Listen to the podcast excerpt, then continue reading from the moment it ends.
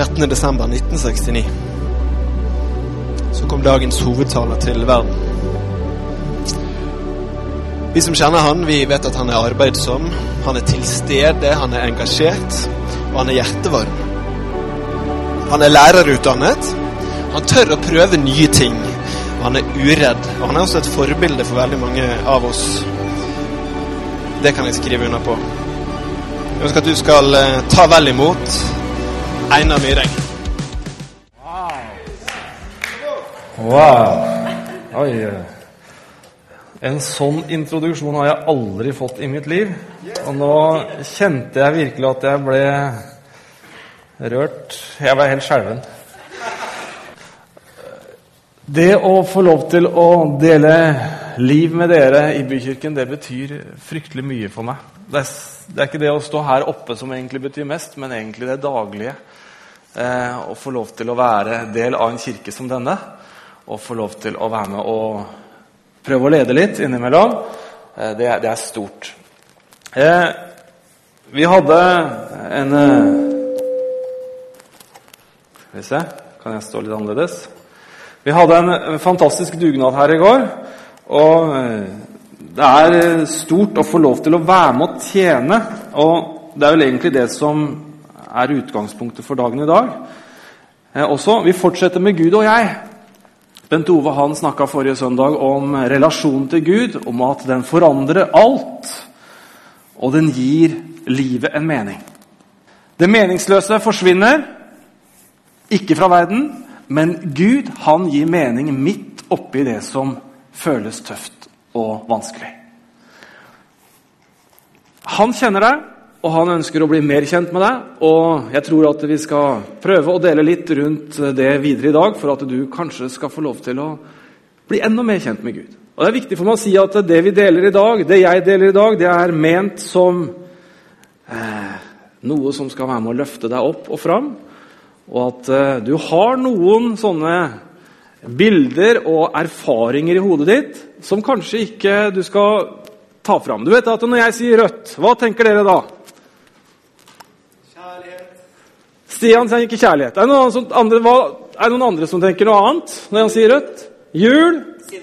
Sinne? Liverpool? Ja.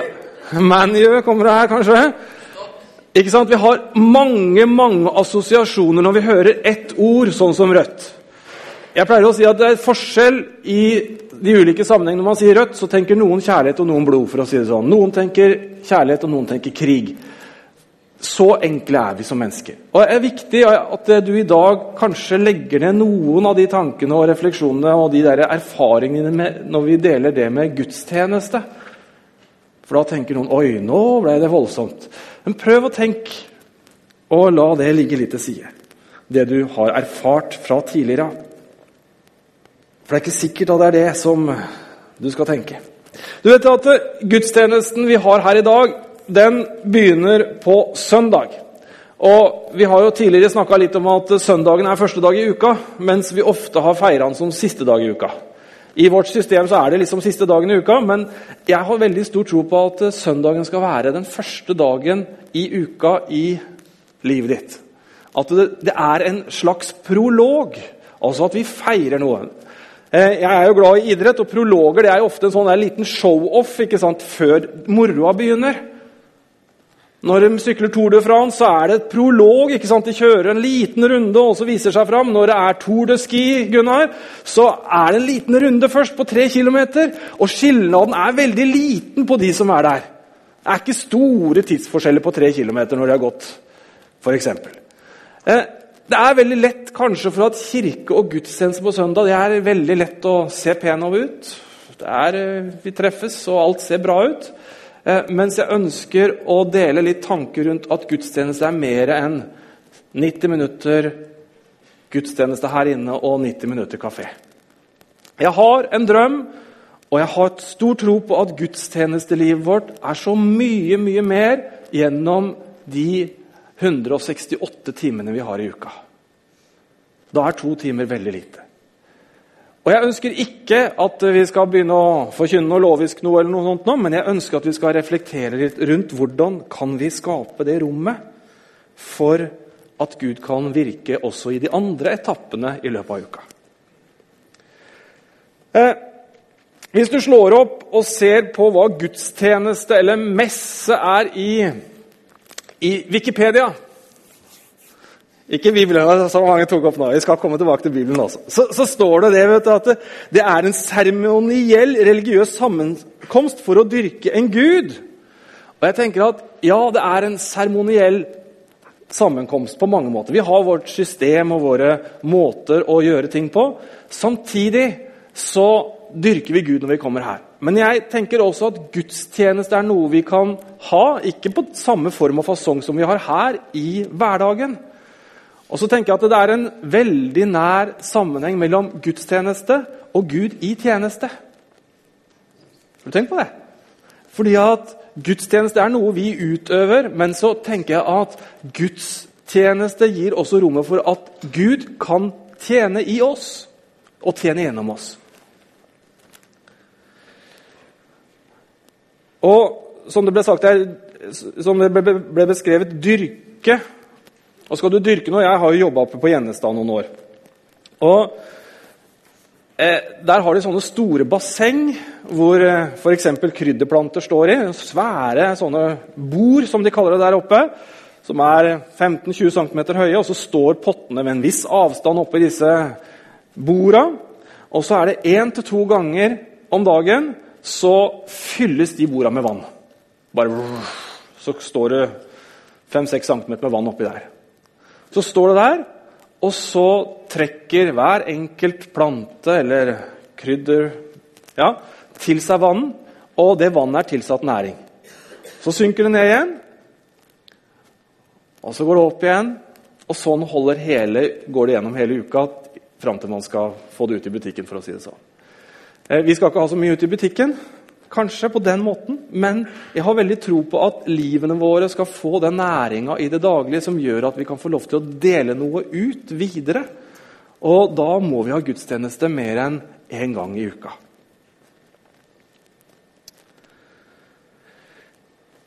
Jeg har lyst til å lese fra 2. Korinterne 3. Så tror jeg vi skal ta fra vers 18.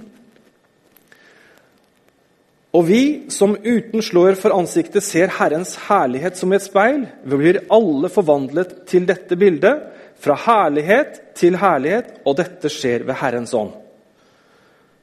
Og så Allikevel så ser vi i 1. Korintere 3,7 der står det Derfor er det ikke noe, verken den som planter eller den som vanner, bare Gud er noe, han som gir vekst. Og vi som enkeltmennesker vi må legge til rette for at det, det, vokser. Men det er Gud som gir den veksten. Og Jeg har sett litt på Peter de siste dagene. Peter han er jo en bra kar. Når Jesus sier til Peter at 'jeg vil bygge min kirke på deg', 'jeg vil bygge min menighet på deg', så jo det, må jo Peter ha vært en utrolig spesiell kar. tenker jeg. Han må jo ha hatt en veldig eh, spesiell relasjon til Jesus. Eh, han sier ikke det til de andre, han sier det til Peter. Og Peter er jo nevnt tror jeg, 139 ganger. Nei, 159 var det det sto. Når jeg slo opp på, på, bare søkte på Peter. I alle mulige slags rare livssituasjoner. Og det attraherer meg litt. For når Jesus kan få lov til å ha en sånn kjærlighet til en sånn type mann som har alle de rare greiene, så tenker jeg da kan jommen meg også få lov til å være med på å bygge kirke med meg. Jeg mener Peter. Når han er oppe på fjellet sammen med Johannes og Jesus og Elia og Moses åpenbarer seg, hva er det han sier? Jo, hva skal vi bygge hus her, dere? Skal vi bygge hus, sånn at vi kan få lov til å være her bare oss fem? Skikkelig, liksom. Dette er bare oss og meg og vårt. Og, og så ser du i neste sving at han er jo virkelig på når det gjelder å, å, få lov til å legge til rette i forhold til familien sin. Han tar med seg Jesus hjem, og hel, Jesus helbreder svigermora hans. og Det skjer sterke ting. Og i neste sving igjen så ser du at han tviler Når Jesus har dødd, så er jo Peter på vei inn i fiskeryrket igjen. liksom. Og Han har jo før dette har jo fornekta Jesus. Han er voldelig, han hogger av øret på denne øverstesprestens tjener. Han er jo en skikkelig råtass, vil jo mange si. Men Samtidig så ser vi at Jesus han elsker han. Han har virkelig et hjerte for Peter. Og han har virkelig et hjerte for deg og meg. Vi er kjøtt og blod. Før så syntes vi at vi var veldig perfekte, og jo eldre vi blir, jo mer uperfekte skjønner man at man er. Noen som har Nei, det er bare meg. Før så syntes jeg ja, men jeg er en bra kar. altså. Jeg kan det meste. Og når jeg var 25, da kunne jeg alt, følte jeg. Nå kan jeg ingenting, føler jeg. Innimellom, hvis jeg er sånn dønn ærlig. Man skjønner at man ikke kan så fryktelig mye. Det er masse kunnskap og masse ting som man sikkert skulle kunne gjort bedre. Men så får jeg lov til å gå med Gud om dagen. Og De siste ukene så har jeg virkelig fryda meg over å få lov til å gå med Jesus. Eh, på fredag så var jeg på Frik. Og Det er jo egentlig mer som en sånn nei, Jeg har jo ikke noen rolle på Frik hver fredag. at jeg liksom har noe, For fredag har det i hvert fall ingen oppgaver. Så kjenner jeg Gud taler til meg. Kan du snakke? Jeg har et ord til den. Og jeg tenker oi, oi, oi, jeg har et ord til noen som jeg ikke kjenner, og jeg skal gå bort og dele ordet. Og jeg sier, går bort til denne dama og sier du, sånn og sånn, sånn og sånn kjenner jeg at Gud sier til deg. Og hun bare Ja! Tusen takk. Og hun formelig spratt videre til der hun skulle tjene videre. I går så traff jeg to stykker i forbindelse med dugnad. Og få lov til å dele Jesus på en så enkel måte, naturlig måte. Ikke at jeg har tatt på meg skjorte og slips og 40 traktater i hånda og veska på skuldra og Jesus-skjorte under dressjakka. Nei, men jeg bare får lov til å dele helt naturlig. Det, så hadde vi gruppe her for to, eller halvannen uke siden. Åtte, ni, åtte stykker var vi vel. Menn pluss 40 får lov til å dele liv pip åpent. Vi får lov til å snakke om Jesus, snakke om relasjoner. Snakke om det å få lov til å, å, være sammen og stå sammen. Så tenker jeg ja, det er begynnelsen til noe. Jeg gleder meg virkelig fremover til å bygge kirke. Og det å ha et gudstjenesteliv gjennom uka tror jeg vil gjøre at vi får lov til å se at flere får lov til å oppleve Jesus. Jeg tror ikke så veldig mye på fantastisk mange aktiviteter for å ha aktiviteter i kirka, men jeg tror på relasjonen til Gud og relasjonen til hverandre fremover. Hvis ikke vi har det, så tror jeg vi mister noe. For det er veldig mange gudstjenester det er bygd på at det er inne i et type kirkerom, at det har en viss struktur og kultur, for å si det sånn, og så er det det. Og Da er vi skikkelig dårlige på det her i bykirken. Vi har ikke de store, flotte lys... Eh, hva skal du si Glassmaleriene. Vi har ikke Det er ikke gullbefengt noen ting. Det er veldig enkelt. Dette er et flaskelager og har vært et flaskelager gjennom de 20 første åra av, dets eksistens. Og så har det vært møterom for kristne de neste 20. For jeg har vært der snart i 20 år.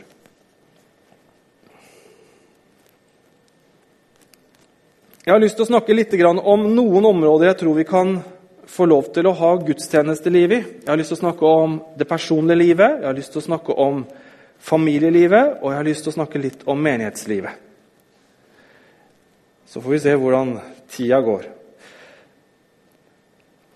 Det personlige livet tror jeg er det, liksom det grunnleggende for å kunne ha et rikt gudstjenesteliv. eh, Det står det i Markus 12,30 så står det at du skal elske Herren din Gud av hele ditt hjerte, av hele din sjel, av hele din forstand og av hele din kraft. Og så sier han videre det nest viktigste budet er du skal elske dine medmennesker som deg selv. Ikke noe bud er viktigere enn disse to. Og Det sier Jesus til oss i dag. Og den derre helheten i den første delen av verset, hele hjertet, hele, li, hele din forstand og hele din kraft, sier meg noe om at ja, det er fokus som vi skal ha. Samtidig som det ikke betyr at du ikke skal leve et normalt liv. Jeg tror Jesus levde på mange måter et helt og normalt liv men hvor Gud fikk lov til å tjene gjennom ham. Og vi skal få lov til å gjøre det samme. Ja, hva er det viktigste i forhold til personlig gudstjenesteliv, da? Er det hvor langt du får lest i løpet av ei uke i Bibelen, eller er det hvor mange og lang tid du har bedt? For det er jo det mange tenker at, Og det er det du først tenker når jeg sier bønn og bibellesning. så tenker du at jeg strekker jo ikke til på det. Eller jeg er veldig flink på det. Jeg bruker hele fire timer om dagen i bønn og to timer uh, i bibellesning. og Jeg har pløyd gjennom hele Nytestamentet så langt i, i, i, januar. Veldig mange av oss i dag strekker ikke til på det. Jeg gjør i hvert fall ikke det. Men jeg opplever at det å lese og be Om det så bare er et kvarter om dagen, eller om det er mindre, så gir det meg noe av næring som gjør at jeg kan få lov til å leve et liv som Gud får lov til å tale igjennom. Og Det handler mye om det å være innstilt på at Gud faktisk kan tale gjennom meg. Eh, at jeg prøver å hva skal du si, tune inn på det i det daglige livet mitt. Så er det dager som er veldig hektiske, som jeg føler at oi, oi, oi, hvor ble det av dagen i dag? Og Det er det sikkert bare jeg som har. Det er ingen av dere som har en sånne dager hvor liksom bare, du er litt sein om morgenen og du kjenner at det bare drar til, og du løper som en strikkball eh, hele dagen. Og så føler man kanskje ikke at man har fått gjort det sånn som man hadde tenkt. Men så tenker jeg at Gud han er ufattelig raus. For jeg tror at mange av de der tidsbefengte tinga som vi har hengt oss opp i, at så mye og så mye og målt og veid, det er det egentlig vi som mennesker som har laga. Jesus sier bare 'hele hjertet hele'. Det betyr at du har, har, et fokus på et liv med Gud. Et nært liv og en nær relasjon til Gud og jeg. Og jeg tror at du kan slappe av litt i mengde, men mer være bevisst på at du gjør det hver dag. Hørtes ikke det greit ut? Jeg tror ikke Gud sitter med og teller og ser om du har innfridd eller ikke den dagen. Jeg tror han ser etter at hjertet ditt har hatt en retning og en tanke for ham. Sånn at han kan få lov til å tjene gjennom deg. Gud i tjeneste.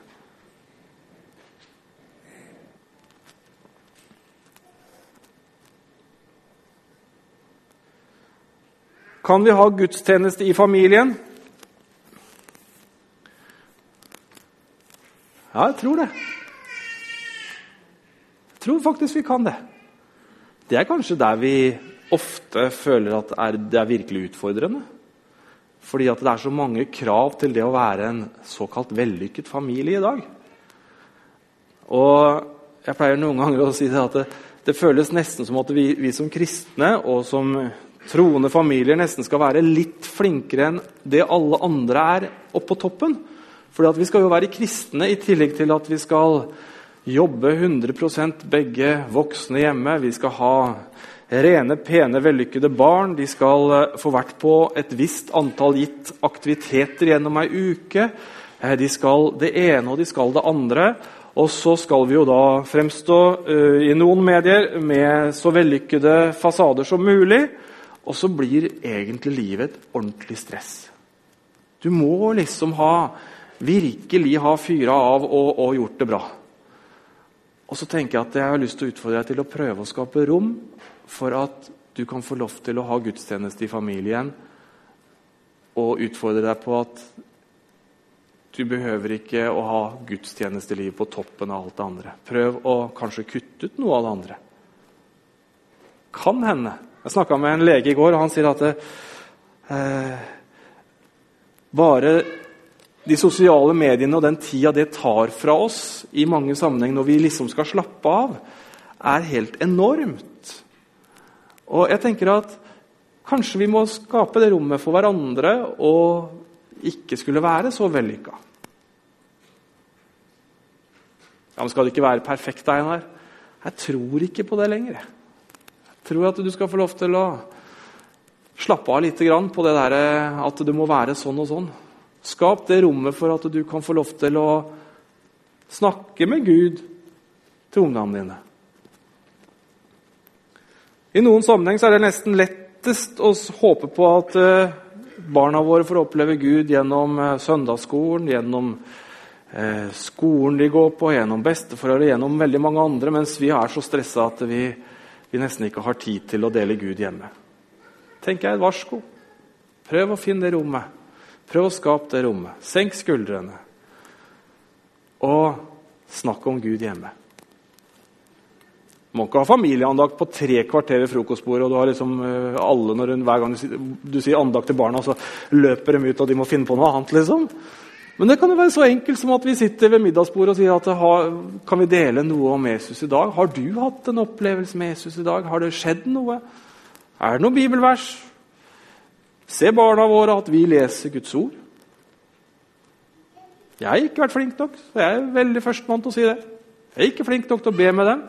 Men jeg får lov til å prøve, i hvert fall. Jeg tenker at Det handler ikke om hvor flink jeg er, men i hvert fall at jeg ønsker å ta dem med. Ønsker at de skal få lov til å oppleve Jesus. Samme med å ta det med hit. Jeg er mer vane enn uvane, for å si det sånn. Jeg er mer vane at vi reiser på gudstjeneste, fordi at det er en del av livet med Jesus. Det å få påfyll en gang i uka. Jeg tenker at Det må vi ha bevissthet om. Vi går foran noen. De barna vi har, de har vi gått foran, har vi ikke det? Vi kan ikke skylde på samfunnet, kan vi det? Veldig lett å gjøre det. Så tenker jeg også det at eh, familieliv og gudstjenesteliv det er noe som vi alle sammen egentlig har utfordringer med. Og Det syns jeg var fint nå når vi hadde life-gruppe, var at vi kunne snakke om noen ting som vi har erfaring med. Ofte så tror vi jo det at eh, ja, min familie er veldig spesiell, også for der har jeg det sånn og sånn og sånn. og sånn, og vet du hva, De fleste har de samme utfordringene i familieliv. Visste du det? Fleste har de samme utfordringene i forhold til relasjonen mellom mann og kvinne. Mellom kvinne og barn, og mellom far og barn. Jeg har jo sånn hjemme. Det er en ting som jeg i forhold til mine barn eh, Gro hun kan si det veldig greit. liksom, og det, ja, det er så fint når Gro sier ting. Da, hun, da forstår ungene det med en gang. Er ikke alltid de forstår meg. også. Og jeg vet liksom ikke, jeg skjønner ikke helt hvilken knapp jeg har trykt på, eller hva jeg har sagt feil. eller sånn. Er det noen av dere som har opplevd sånn? Nei. bare meg. Vi, vi, sliter i kommunikasjon, vi sliter i dialogen. Vi, det er ikke alt som er like lett. Og ofte så handler det jo om tid fordi at vi har så dårlig tid. Og går, På fredag så, så, hadde vi en litt sånn kjip greie her på, bykirke, eller på dagen på konferansesenteret. For vi hadde installert ny oppvaskmaskin på torsdag. Og det er jo gøy. Stor kapasitet og fint og flott. og Vi satte det inn, og så virka det ikke. og Jeg holdt på her til langt på kveld på torsdag for å prøve å få ordna denne oppvaskmaskinen, for vi hadde jo da stort arrangement på fredag. Og det ble litt sånn pes, på, for de hadde jo ikke den delen, selvfølgelig. da, Og så, og så ble det litt pes i forhold til Frik på kvelden. Og så hadde jeg ringt eh, noen i Frik for å si at det er ikke vaska opp, det står oppvask fra gulv til tak der inne. Eh, og så fikk jeg bare lagt igjen beskjed til Ole Thomas, som han heter, og så ringte han ved middagsbordet. Og jeg følte at det var veldig viktig å ta den telefonen. Og få gitt de der konkrete meldingene om hvordan det ståa var før kvelden. Og Jeg tar opp telefonen, Vi var nesten ferdig å spise, så jeg syntes liksom at det var greit. Og tar opp telefonen og løper ut. Og når jeg kommer tilbake, så sitter alle fem med mobiltelefonen i handa. Og de smilte jo veldig, og så tenkte jeg ja, der fikk jeg den, liksom. Den satt. Den satt skikkelig, og jeg bare, åh, når jeg snakker om det, ja, det var så tragisk jeg var. altså liksom syns at den fredagsmiddagen den uh, kunne jeg liksom hoppe litt ut av fordi det, å gi beskjed om oppvaska var viktigere. Men vi går foran. Vi, vi, vi, vi gjør feil. Og jeg tror at uh, som kristne så det er ekstremt viktig i forhold til barna at vi ber om unnskyldning når vi skjønner at vi har tråkka feil. Jeg har en pappa som var veldig rask til å be om unnskyldning når han hadde fyra av. Hente han uh, hadde litt temperament, og det, noe, det har jeg også. Det hender at du liksom kliner litt til, og du føler at du har veldig rett til å gjøre det. Men da tenker jeg at Gud også må få lov til å virke gjennom oss og kunne få lov til å be om unnskyldning. Og så opplever jeg i hvert fall med mine at når de har vært urimelige, så kan de også komme og si til meg pappa, unnskyld, det var ikke greit av meg. Men, men det er et liv med Gud i familien som jeg tror har et stort potensial for oss alle. Det med å dele liv, være ærlige på liv. Eh, vi, vi, trenger det å ha en ærlighet inn i våre liv. Vi har vokst opp, i hvert fall jeg vokste opp en tid når jeg var ung, hvor liksom det var fra herlighet til herlighet. Og Vi er satt over, og vi er ikke under. Vi går fra seier til seier, fra kraft til kraft. ikke sant? Kjenner dere noe av det? Og kjenner jo at oi, oi, oi, det var liksom stort og tøft. og Vi var liksom hode og ikke hale. Og, og det var liksom bare gjevt alt sammen. Og vi skulle proklamere og tro, stå i tro for at vi ikke var syke hvis vi var det ene med det andre. Og så kjenner jeg at ja, det er bra, noe av det, men ærligheten forsvant i noe av det med å tjene Gud. Ærligheten rundt det å trenge Gud og erkjenne at jeg er et menneske som trenger Gud hver dag. Jeg trenger en gudstjeneste, og jeg trenger at Gud tjener i meg hver eneste dag. ble liksom på en måte en sånn prestasjonsgreie som jeg i dag tenker at oi, oi, oi. Det var ikke greit, altså. Gud han ønsker at vi skal få lov til å leve i et balansert liv. Og Jeg møter barn som har foreldre som jo har bare brukt all tida si på kirke og aldri hatt tid til dem. Kjempetrist hvis det er oppfatninga av gudstjenestelivet til mor og far i familien. at De er liksom borte bestandig. Aldri tid. Da tenker jeg det er fare på ferde. Bruk tid med barna dine. Prioriter. Skap rom som gjør at du kan ha et gudstjenesteliv internt også, som gjør at de kjenner at ja, men dette er noe som er større, dette ønsker jeg å være med på. Barnearbeideren vår Edel hun har snakka mye om de siste måned, par månedene om at 80% av ungdommene forsvinner fra kirka. Åh, skal du snakke om det her, da? Men 80% forsvinner når de passerer 18 år. Det er et virkelig varsko for oss som mammaer og pappaer i forhold til gudstjenestelivet vi har hjemme, vårt personlige liv, og også det at vi tar dem med i kirke. Hvis vi virkelig ønsker at de skal få lov til å kjenne Jesus, så må vi virkelig gå foran. Kan ikke du vise meg det bildet nummer to med veien, eh, Magnus? Det er litt sånn som vi er som foreldre. Vi skaper en vei videre for våre barn. Vi går foran noe. Skjønner du illustrasjonen? Vi baner vei for noe. Og jeg tenker at Vi skal bane vei for barna våre og for ungdommene våre. Hvis du har ungdommer som burde vært på ungdomssamling hver fredag, så kan du ikke reise på hyttetur og helgeturer hver eneste fredag. Og ta dem med deg. For da får de aldri det fellesskapet som de trenger. Sorry. Hvis du skal ha dem til å være i Guds menighet og fungere i Guds menighet, og kirke, så må vi ha dem her på søndagene. Jeg elsker når det står 47 eller 44 eller 53 barn i loggen på, hvis vi skriver logg hver eneste uke for å vite hvor mange som kommer. Det tror jeg er viktig altså, å vite hvor mange som kommer. Men jeg elsker å høre og se at det er så mange barn iblant oss. Jeg elsker at vi har så stort spenn som vi hadde i går på dugnad, fra 80 til 5 år, tror jeg den yngste var. Fire eller fem år. Fantastisk ute å ha en kirke som har det. Det er spennende. Men vi har noe som gjør at vi må ta dem med inn i det fellesskapet. Ja, men er det, det er ikke noe stas for mine å være med deg. Jeg tror faktisk at du er med på å gjøre gudstjeneste og bygge kirke ved å legge til rette for at de skal kunne være her. Vær med å tjene inn i kirka.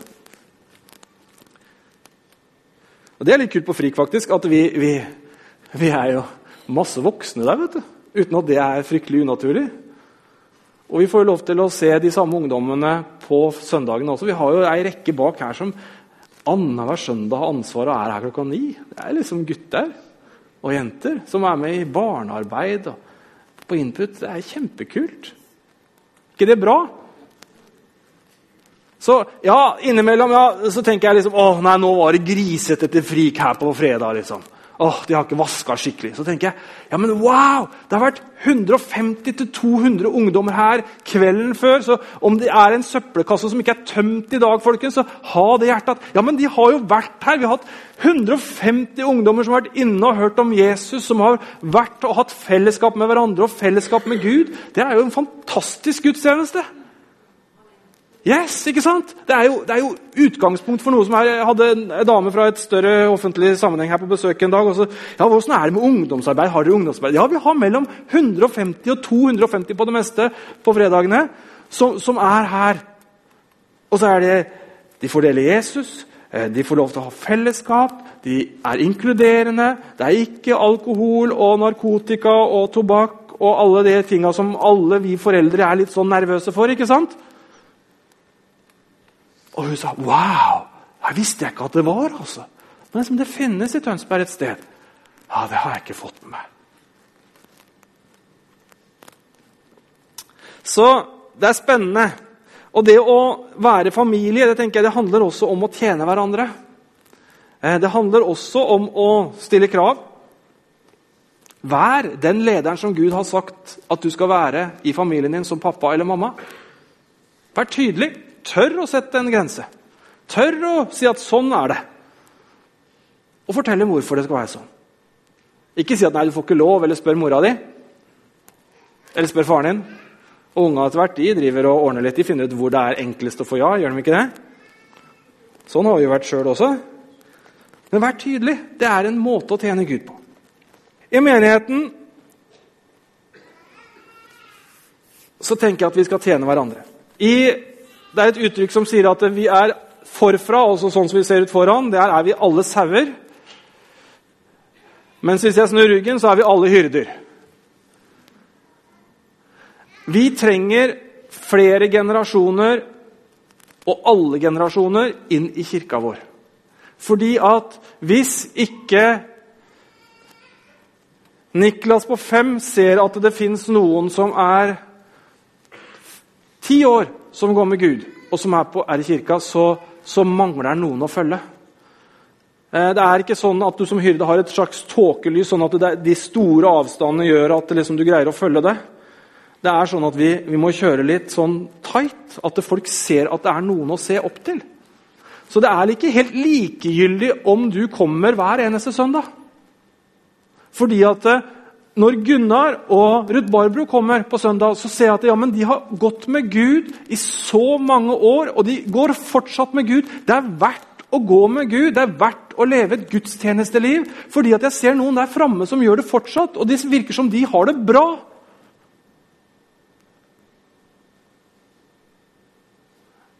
Derfor så trenger vi 15-åringer som ser til 17-åringen, 17-åringen som ser til 20-åringen. og 20-åringen som ser til 25-åringen. Og så har vi dessverre et stort felt mellom 20 og 30 som vi ikke har nesten noen. Skulle gjerne hatt flere i det området. For jeg syns det er for langt tror det er for langt at vi ikke har det spennet. Men vi jobber med det og tenker at ja, vi ønsker flere inn der. Og det må vi be om at vi skal få det, så at vi er, he, er hele generasjoner etter hverandre. He, og, og da, da betyr det at når du kanskje som er glad i en eller annen spesiell greie hvis vi har en 19-åring som er, elsker å skate, ja, men da bør en 19-åring si at ja, men jeg har noen 14-åringer her nede som også elsker å skate. Kanskje jeg skal ta dem med? Kanskje jeg skal henge med dem? Kanskje jeg skal invitere dem? Det er spennende, for da bygger vi kirke. Da tjener vi Gud. Og da er det ikke bare fokusert på oss sjøl, at jeg får her på søndag, men vi får lov til å leve det ut, at Gud får tjene gjennom oss. Og Det å tjene hverandre det er fantastisk bra. Det å tjene er litt sånn, det høres litt sånn negativt ut, for vi har sånn her tjenerskap. ikke sant? Dere har sett på Downtown Abbey, er det ikke det det heter? Er det noen som har fulgt med på det? Det er Et par damer bak her. Ja, flere. Og Det med tjenerskap det har liksom på en måte vært litt sånn negativt ladd. Være tjener det er liksom ikke helt greit. Og når vi snakker om å tjene hverandre, så hvorfor skal jeg det, da? Vet du hva? Det er så ufattelig flott å få lov til å tjene. Når du ser på Jesus som eksempel når Jesus vasker føttene på sine disipler. kan tenke deg hvor sure de føttene må ha vært i de sandalene da time etter time i sand og annet støv og skitt. Og så, og så går Jesus ned. Han går ned og så sier han at 'jeg skal vaske føttene dine'. Og Da var det vel noen som reagerte litt, hvis ikke jeg husker feil, og sa at dette her synes jeg ikke var helt greit at du skal vaske føttene. Men jeg har tro på at vi alle tjener hverandre. Jeg har tro på at vi alle kan bære hverandre og løfte hverandre. Og gå de ekstra mila med hverandre når vi trenger hverandre. Vi har alle perioder i livet som faktisk ikke er så greie, selv om vi sier at vi er frelst og vi har fått lov til å leve nært Jesus. Så, så kan ting være tøft i livet. Jeg sier ikke bare liksom, ja, nei, jeg satt over det, så jeg bare glemmer det problemet. Det er ikke sånn. Livet er tøft innimellom. Jeg skjønner ikke alltid Gud.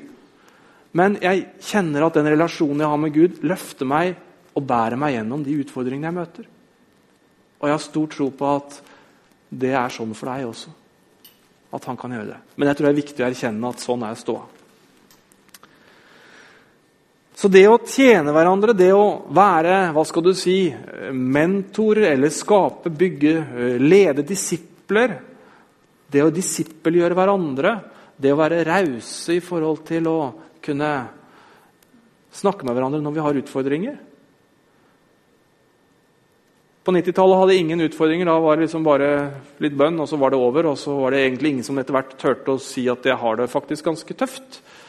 Og hvis du hadde det tøft og gikk fram til forbønn hver søndag, så var det jo all verden hva er dette for noe, liksom. Men jeg tror på at vi skal ha det mye rausere, og at vi har en kultur hvor vi tjener hverandre, hvor vi leder hverandre. Tør å få lov til å si at det, kanskje det er muligheten for deg. Det å skape rom for at kirka vår får lov til å være det Gud ønsker at den skal være. Et åpenbaringssted for Hans herlighet. Det er jo det det handler om å bygge kirke. Det at vi får lov til å se at Gud får lov til å gjøre noe her. Det er i hvert fall Min største drøm det er at, at mennesker utafor veggene våre får, gjennom oss får lov til å oppleve. Og så blir dette egentlig bare en sånn festsamling hvor vi samles og tilber og hyller ham. Og så er uka gjennom en, et liv hvor vi tjener, og hvor Gud betjener gjennom oss. Stian han var inne på det med med økonomi. Jeg tror at gudstjeneste handler også om å med hele vårt hjerte og hele vår forstand også få lov til å være med og tjene Gud inn i menigheten på den måten. Vi har innimellom vært veldig redde for å snakke om økonomi, fordi det innimellom har vært kanskje talt økonomi på en gal måte. Men jeg har tro på at skap rom i ditt familieliv for å være med og tjene Gud også på den måten. Og Det er ikke for at kirka skal ha for mye penger. Det er for at det gir Gud mulighet til å betjene og tjene gjennom deg, når du ikke har det fokuset som ofte penger kanskje bringer inn i livet våre. Så jeg gleder meg fremover til å bygge kirke sammen med dere. Gjør ikke dere det? Gudstjeneste fremover, det blir spennende. Og jeg gleder meg til vi kommer der hvor vi får lov til å si at vet du hva, jeg opplevde denne uka. Jeg tror kanskje vi skal gi mer rom for det fremover. at eh, Har du opplevd noe gjennom uka? Del det når du kommer her. Du, jeg har en fantastisk historie. Jeg har opplevd en sånn helbredelse. Vet du hva, når jeg ba for henne der, så skjedde det. Begynn å la Gud få lov til å tale gjennom deg. Begynn å være litt stille. Ofte så er det utfordrende. Jeg hadde ei på jobb for noen år siden. så jeg liksom, Gud sier at jeg skal si, og så bare Å, nei. Må jeg det, da? Og så har jeg funnet ut at når jeg kjenner det sånn, så skal jeg, da skal jeg virkelig gjøre det. Det har jeg lova meg sjøl i siste, at jeg skal gjøre det når Gud taler til meg sånn. At jeg kjenner at du skal dele noe videre. For da er det jo som regel Gud. Det er ikke så mye av meg sjæl som har lyst til å fremstå som noe da. Det er mer at du på en måte må ydmyke deg litt og så si at ja, men du vet hva, jeg opplever at Gud kanskje taler til deg. Og det treffer jo rett inn bestandig. Så det blir spennende fremover. Jeg tror vi skal eh, gå mot avslutning. Har du fått noe å tenke på? Husk på rødt. Husk på å velge riktig retning på de tankene som er delt. I forhold til at Dette har ikke vært for å trykke deg ned. Dette har vært for å løfte deg fram og opp. Men samtidig så er kjærlighet også utfordrende noen ganger. Men jeg ønsker det beste for oss som kirke. Jeg må si at jeg, jeg elsker dere virkelig. Jeg, jeg, er utrolig glad i dere som enkeltmennesker og som, som kirke og forsamling. Jeg, jeg syns det er fantastisk å få lov til å være her.